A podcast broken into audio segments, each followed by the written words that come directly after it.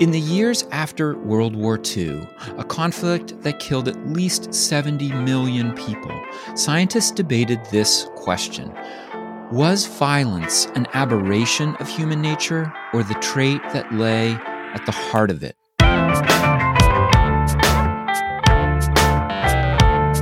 It's time to eat the dogs. I'm Michael Robinson. Today, Erika Milam talks about the scientific search for human nature, a project that captured the attention of paleontologists and anthropologists. Milam is a professor of history at Princeton University. She's the author of Creatures of Cain The Hunt for Human Nature in Cold War America. Erika Milam, thanks for talking with me. Oh, I am delighted to be here. I've I've listened to this show for years now. Years? God, year and a half. Again. A year and a half. Decades. Maybe I'll leave that in. Uh, so, uh, yes, so I've listened to the show a lot, and it's delightful to actually chat with you. Oh well, th- thank you. I appreciate that a lot.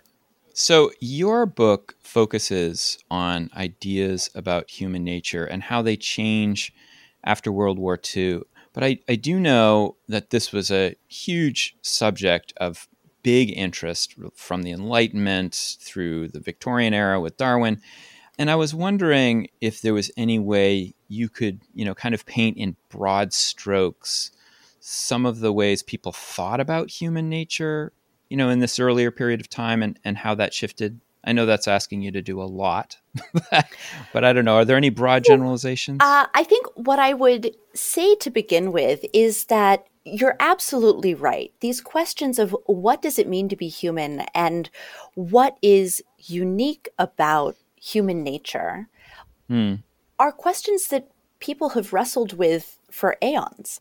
Certainly, the idea that humans are on the one hand, unique from all other animal species, and yet on the other hand, that there is something about what it means to be human that we can learn from thinking with animals or thinking against animals, that both of these are tropes that have been uh, common throughout history. There's nothing mm. new in the post war era about using animals as a as a way of conceptualizing what is unique or uh, what is shared about human nature.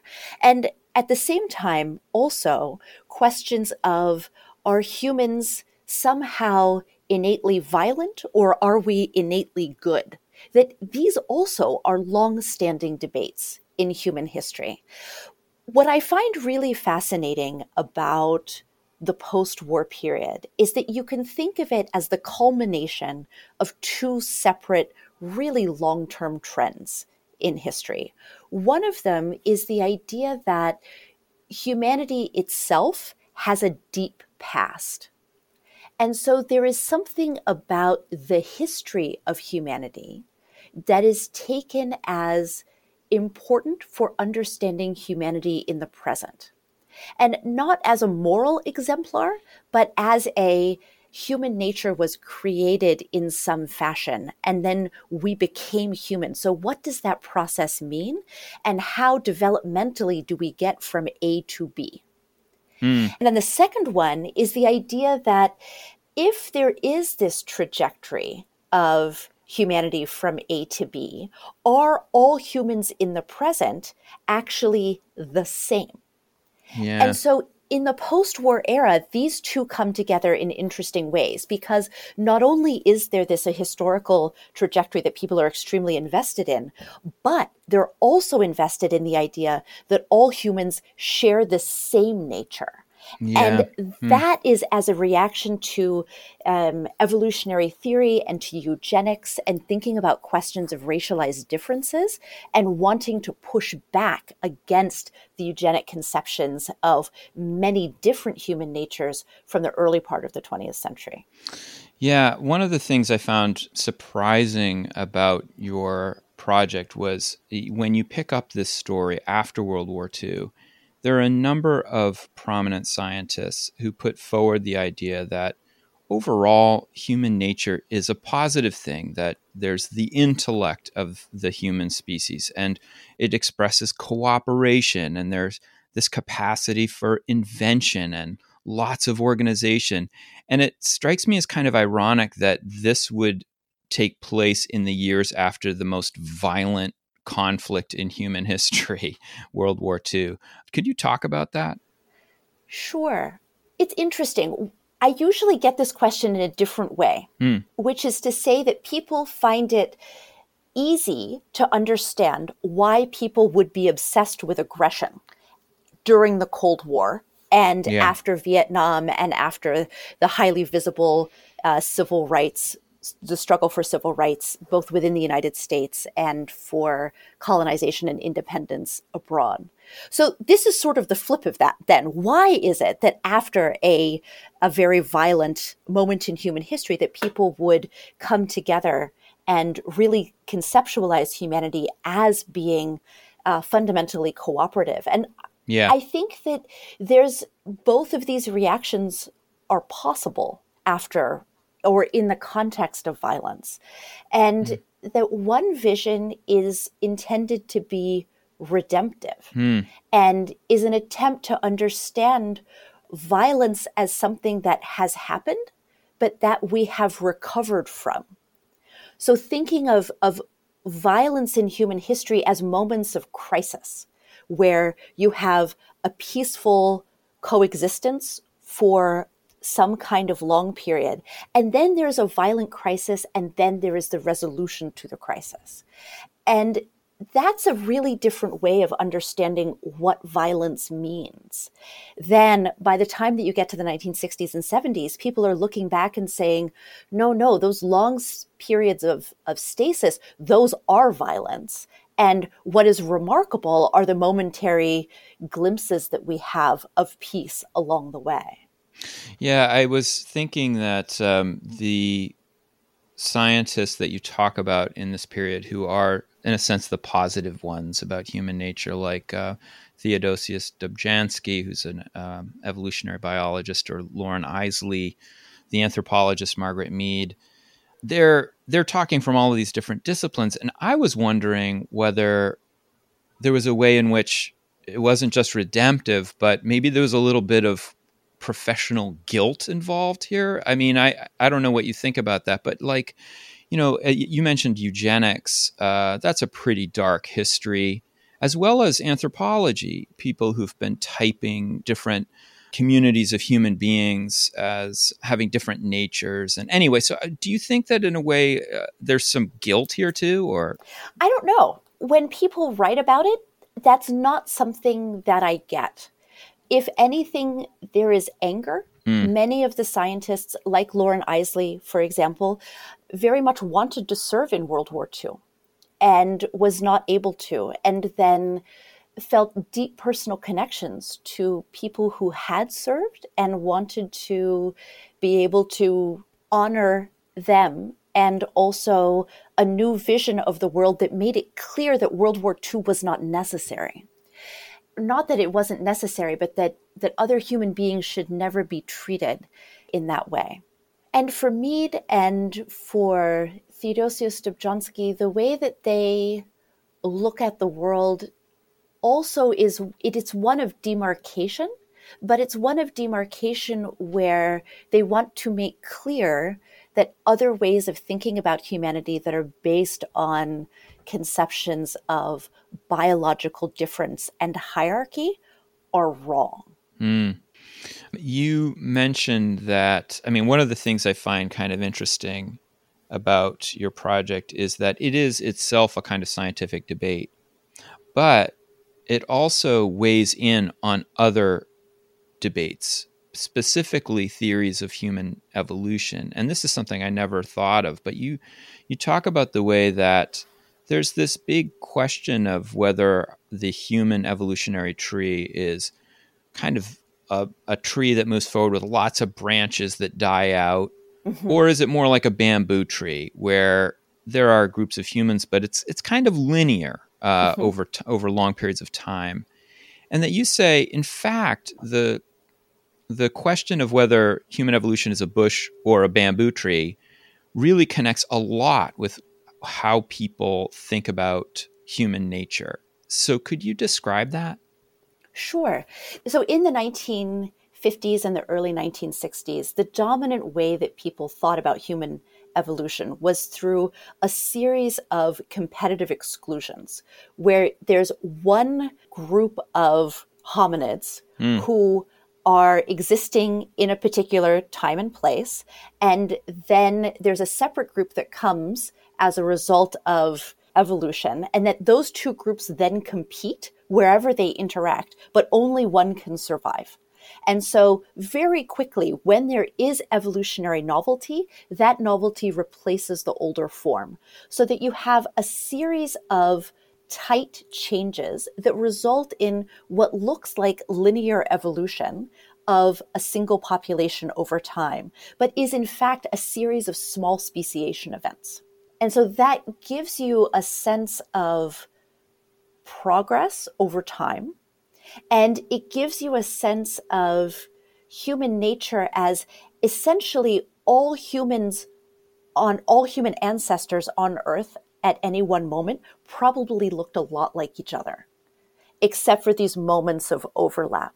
And the kind of evolutionary picture that people have today is much more of this bush of there being many different kinds of human ancestors that coexisted all at the same time.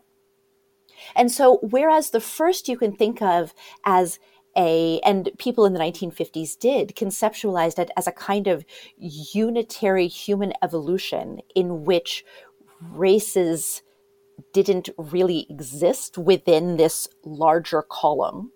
Um, now there's a conception of that we might think of human ancestors as representing broad diversity within human ancestry.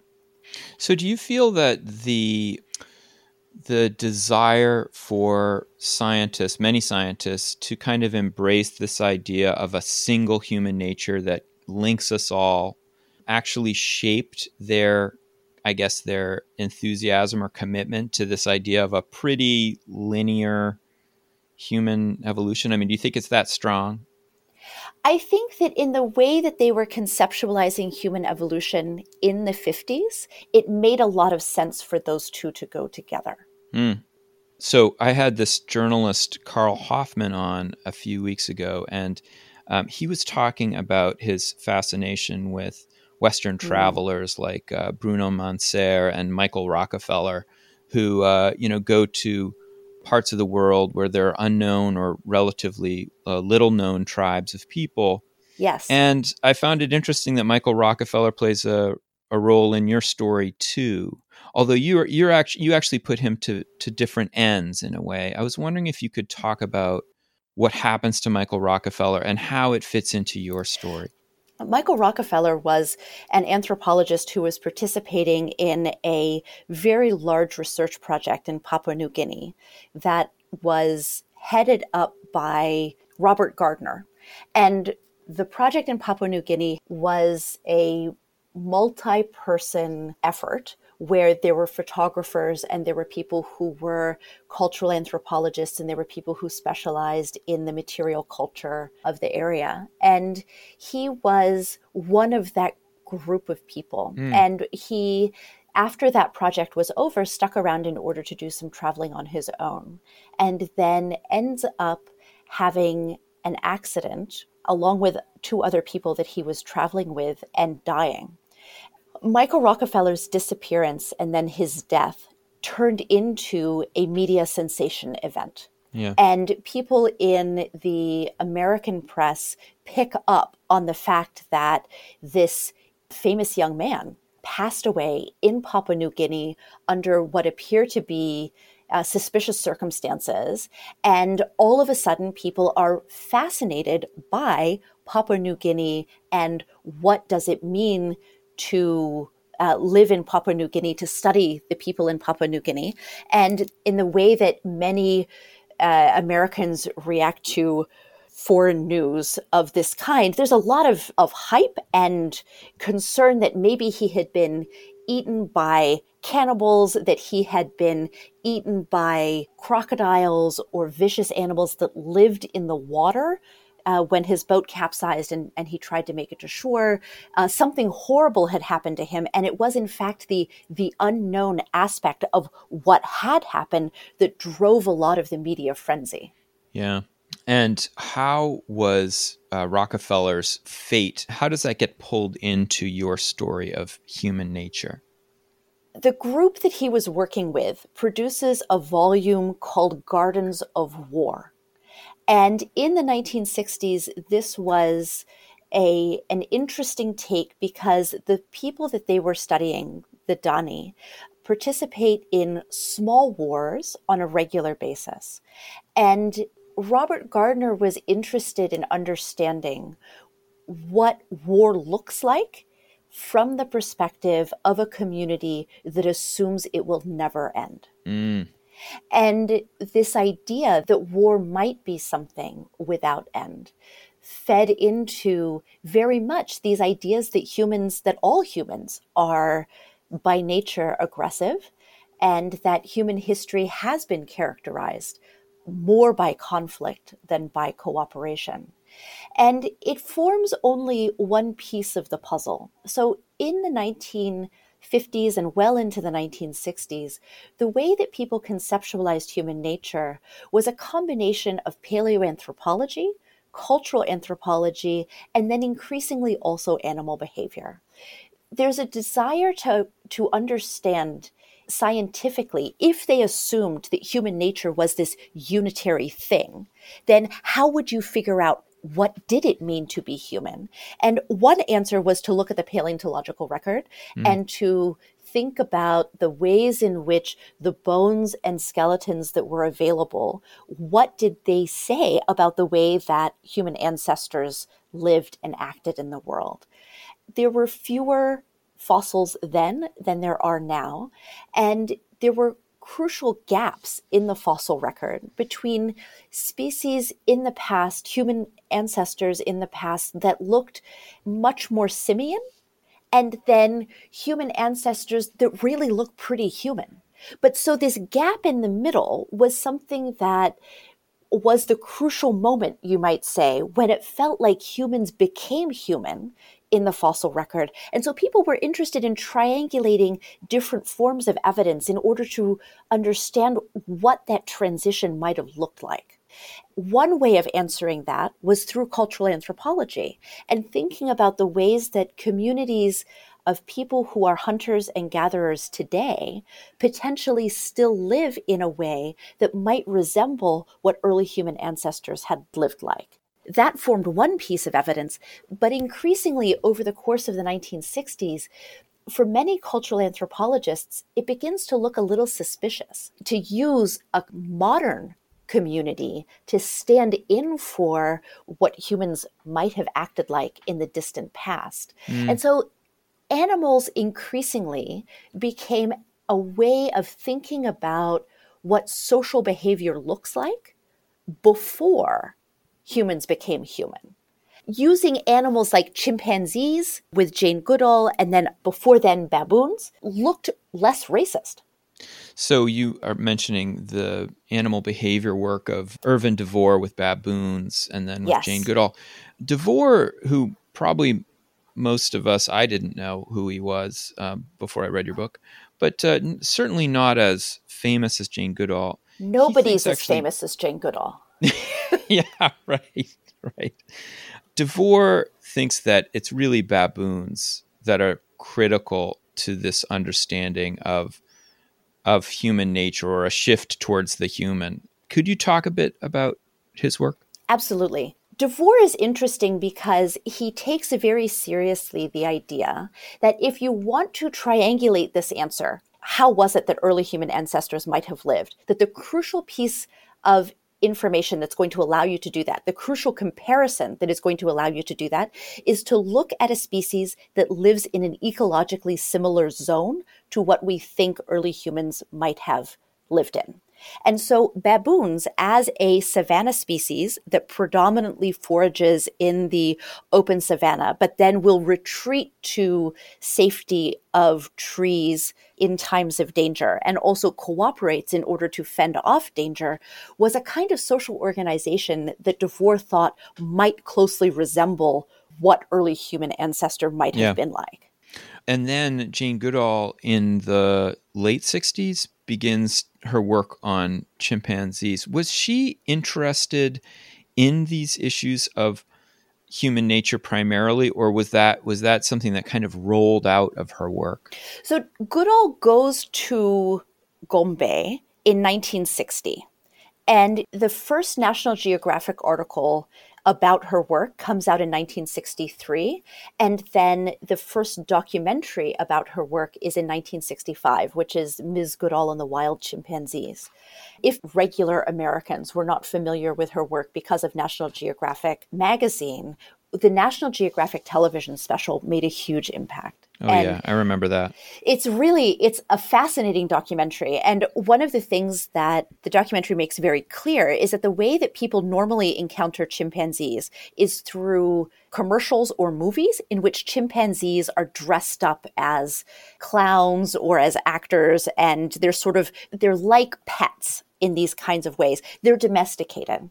And her work is presented by National Geographic as being an antidote to all of that and to thinking about what chimpanzee behavior is like in the wild. This idea of the behavior of wild chimpanzees uh, was fascinating, and and it was nobody really thought that it was something that was profitable for an anthropologist to do or for a student of animal behavior to do uh, because it's so difficult if you if you're studying baboons baboons are fairly easy to study because most of their behavior is in the open savanna chimpanzees are much more difficult they live in the forest and they're extraordinarily shy of people so if they come across a new smell a new person they will leave. Hmm. And she went, and it took her years in order to get to the point that the chimpanzees were willing to tolerate her presence and therefore behave in a way that we would call normal, as opposed to these sort of fear flight responses. So if you're a if you are a student of anthropology, you're not going to go spend potentially three to five years in the field studying a species that you may never get a dissertation out of.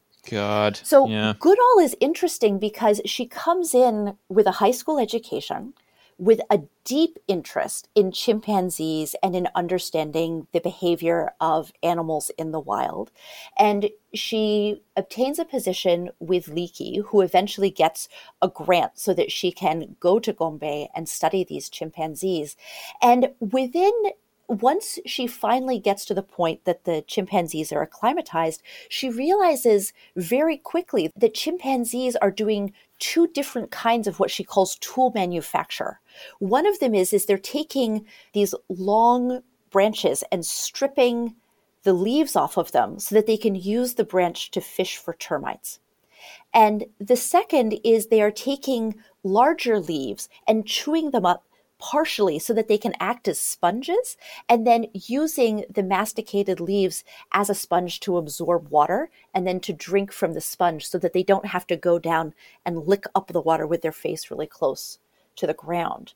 And so this for her represents really deliberate tool manufacture, which was something that people had previously associated with human behavior and only human behavior. So this was groundbreaking work. And as a result of that, then she becomes very interested in thinking of the chimpanzee behavior as a way to understand what it means to be human. The chimpanzees come to occupy a very different kind of space than the aggressive interactions that characterize behavior of baboons on the savannah. And they appear to be much more cooperative they share and they are deliberately using tools in this way that makes them look a lot more like potentially human ancestors. Huh. Yes, that's so interesting. In the 60s, during the period of time when Goodall's working, there's a shift that begins to take place about this issue of human nature and the rise of what is called the killer ape theory. And there's a variety of scientists that you profile in this. Robert Ardrey, if I'm pronouncing that correctly. Ardrey. Ardrey. Konrad Lorenz and Desmond Morris, all of whom are, are scientists, but they also publish popular books on the subject. What's the overall shift in thinking that happens during this period of time from a kind of positive view of human nature to one which is more violent? So this is all it overlaps both with what's happening with Goodall and also with the Michael Rockefeller story and what's going on in, in Papua New Guinea and the Robert Gardner Gardens of War. So these three books come out within 18 months of one another. In English, Robert Ardrey publishes The Territorial Imperative in 1966, and he is trained as a playwright with Thornton Wilder at the University of Chicago, and then goes on to star, sorry, not to star, to, to write Hollywood scripts. And he's most famous for writing the screenplay for Khartoum, uh, for which he is nominated for an, uh, an Academy Award in 1966, but does not win. And he publishes Territorial imperative. It's his second book. The first one was African Genesis, which was published in 61, but scientists didn't really pay a lot of attention to it. 66 and territorial imperative begin to gain a lot more energy and attention, in part because Konrad Lorenz's On Aggression is translated into English that year as well. And then in 1967, Desmond Morris publishes The Naked Ape, which provides more fuel for the fire. And the version mm. of human nature described by these three men is fundamentally dependent on comparisons with other kinds of animals. And there's much less emphasis on paleoanthropology, and there's much less emphasis on cultural anthropology. And so it begins to create a version of human nature that is evolutionary, but is evolutionary in a comparative sense rather than evolutionary in a longitudinal deep history sense. And violence within their work is not necessarily a bad thing, right? right. I mean, yes. Yeah. Could you talk about that? How is violence seen as, let's say, a positive uh, force? Well, violence is something that is empowering. It is something that creates order in society. And so, in the way that Ardrey and Lorenz write about dominance hierarchies, the violence that happens is of two kinds, we might think of it. One is the little scrapes that happen between individuals of the same community as they work out who is the biggest and the strongest and what the de facto hierarchy of the community is. And one of the ways that I think about this is not in terms of fights to the death, but just little scrapes. And the dominance behavior is evidence when, for example, two individuals approach a water hole at the same time. One of them automatically gives way, and the other one then drinks first. And so that's the manifestation of what people studied as dominance hierarchies at that time. And they're interested in understanding why is it that some individuals always defer to others and how does that get negotiated? Hmm. so these small internal conflicts are one thing but then there are conflicts between groups.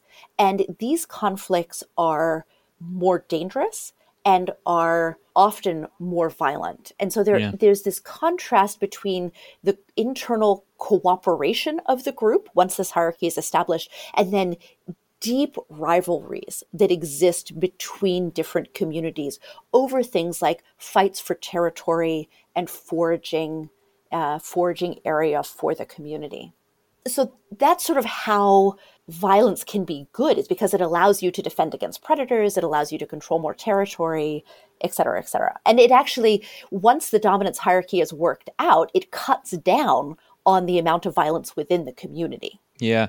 One thing i really think is cool about your book is that you um, you really treat, let's say, the kind of work that scientists are publishing in academic journals on the same level as the kind of work that they're publishing in popular books, and also a kind of broader um, conversation about these themes as they exist in popular media. So, for example, you have a discussion in your book about uh, the movies, the Planet of the Apes movies, uh, especially the first one. I was wondering if you could talk about the ways in which this movie, for example, picks up the theme of uh, human nature, because probably a lot of people. Uh, I mean, I've seen them all, but but uh, probably a lot of people haven't seen the original one. So, could you talk about that for a bit? one of the things that I, I do do in the book is to try and really pay attention to a lot of what people in the past have referred to as popular science or the deeply popularized science that appears in movies. And I think it's really important. I think it's important because most Americans are not reading scientific papers. And so, mm. if you want to understand how and why and when broader conceptions about what it means to be human and the place of science are changing within American culture, you have to look at these sources as well. Mm. So I call the publication of materials for an audience that includes not just trained specialists, but other peoples as well, colloquial science. And I try to avoid the question of popular because popular implies a kind of also a hierarchy, but but a a, con- a, continuum between professional science and then popular science. And one of the mm. things that I find fascinating about books by Ardrey, Lorenz, and Morris in this time period, for example, is that they're being read by college students. They're being read by students in the first two years of their PhD program in anthropology or animal behavior, and they're really being debated. So there's a way in which these books are reaching both scientists and members of the general public who are not trained in the sciences. And so it's, I think they're really important sources, even though they later get dismissed as popular science. I think it's important to take them seriously in their own right. And the farthest reaches of colloquial science and then the popularization of these ideas we can see in movies like Planet of the Apes and 2001 A Space Odyssey and Straw Dogs by Sam Peckinpah and other kinds of films that were that were popular during the time period. Oh, and of course A Clockwork Orange by Stanley Kubrick. Yeah, right. So Planet of the Apes, which is the one that you asked about, is a wonderful 1960s heroic film starring the broad chested Charlton Heston with a profile of an eagle, I believe mm. was the way that one reviewer referred to him. And it's a movie in which there has been, I'm going to give it away for people who have not seen the movie, there has been a nuclear war and there is mass devastation of human populations as a result of this. So it is set far in the future. And in this future, humans have been turned into mute apes. And in fact, the chimpanzees, the orangutans, and the gorillas are all uh, sentient, vocal creatures who run the society and humans are hunted. One of my favorite scenes of the movie is when the gorillas on horseback are rounding up humans for sport and are posing with humans in the same way that trophy hunters pose with with the animals that they have killed on on the savannah. Yeah. And what happens is that the moral lesson that the apes tell each other is one in which it is humans' violence that has driven the devastation of the past and it needs to be overcome. And under mm-hmm. no circumstances are humans allowed to be educated because, my goodness, what would it lead to in the future? You know, your interests are so broad. You you study masculinity, you look at evolutionary biology, you're interested in animal behavior, as well as popular culture and in even science fiction. And I was wondering if, um, having completed this project, you see the present moment a bit differently? Or how, how does it maybe shape the way you see what's happening now? There's so much going on. I think there's a couple of things i might point to. One is that the one difference between the 1960s the 1970s and today is the rise of professional scientific journalism there is a way that people today have a tendency to think about engagement of scientists with a more general public as being something that some people should do, but real scientists don't popularize. Yeah. And I think that that's a shame. I think that there's it's clear to me from my project that writing in an accessible way for scientists has a fundamental effect on the way that average Americans think about and and interact with the world. And I would love to see more engagement of scientists with the general public. And I would love to see a way in which the general public was more interested in listening to scientists in the first place. So, both yeah. of those things. And I think also one of the ways that I think about history is as a tool for denaturalizing the present, mm. for understanding that the way that we work now was neither obvious nor necessary mm. given the contingencies of the past.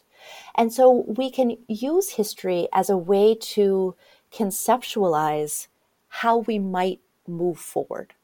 Yeah. And for me, one of the important lessons of the book was that although evolutionary theory and thinking of humans in an evolutionary light has been used to dehumanize some people as less valuable than others, it has also been used in the service of a more redemptive and inclusive vision of what humans could be in the future.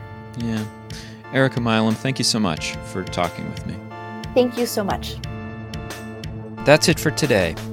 The music was composed by Zabrat Make sure you check out the Time to Eat the Dog's website for podcast links and other exploration related stuff. And if you get the chance, please take a minute to rate and review the show wherever you get your podcasts. It really helps make the show visible to new listeners. And if you want to recommend a guest or make a comment, feel free to contact me at time to eat the dogs, that's one word, lowercase, at gmail.com. See you next week.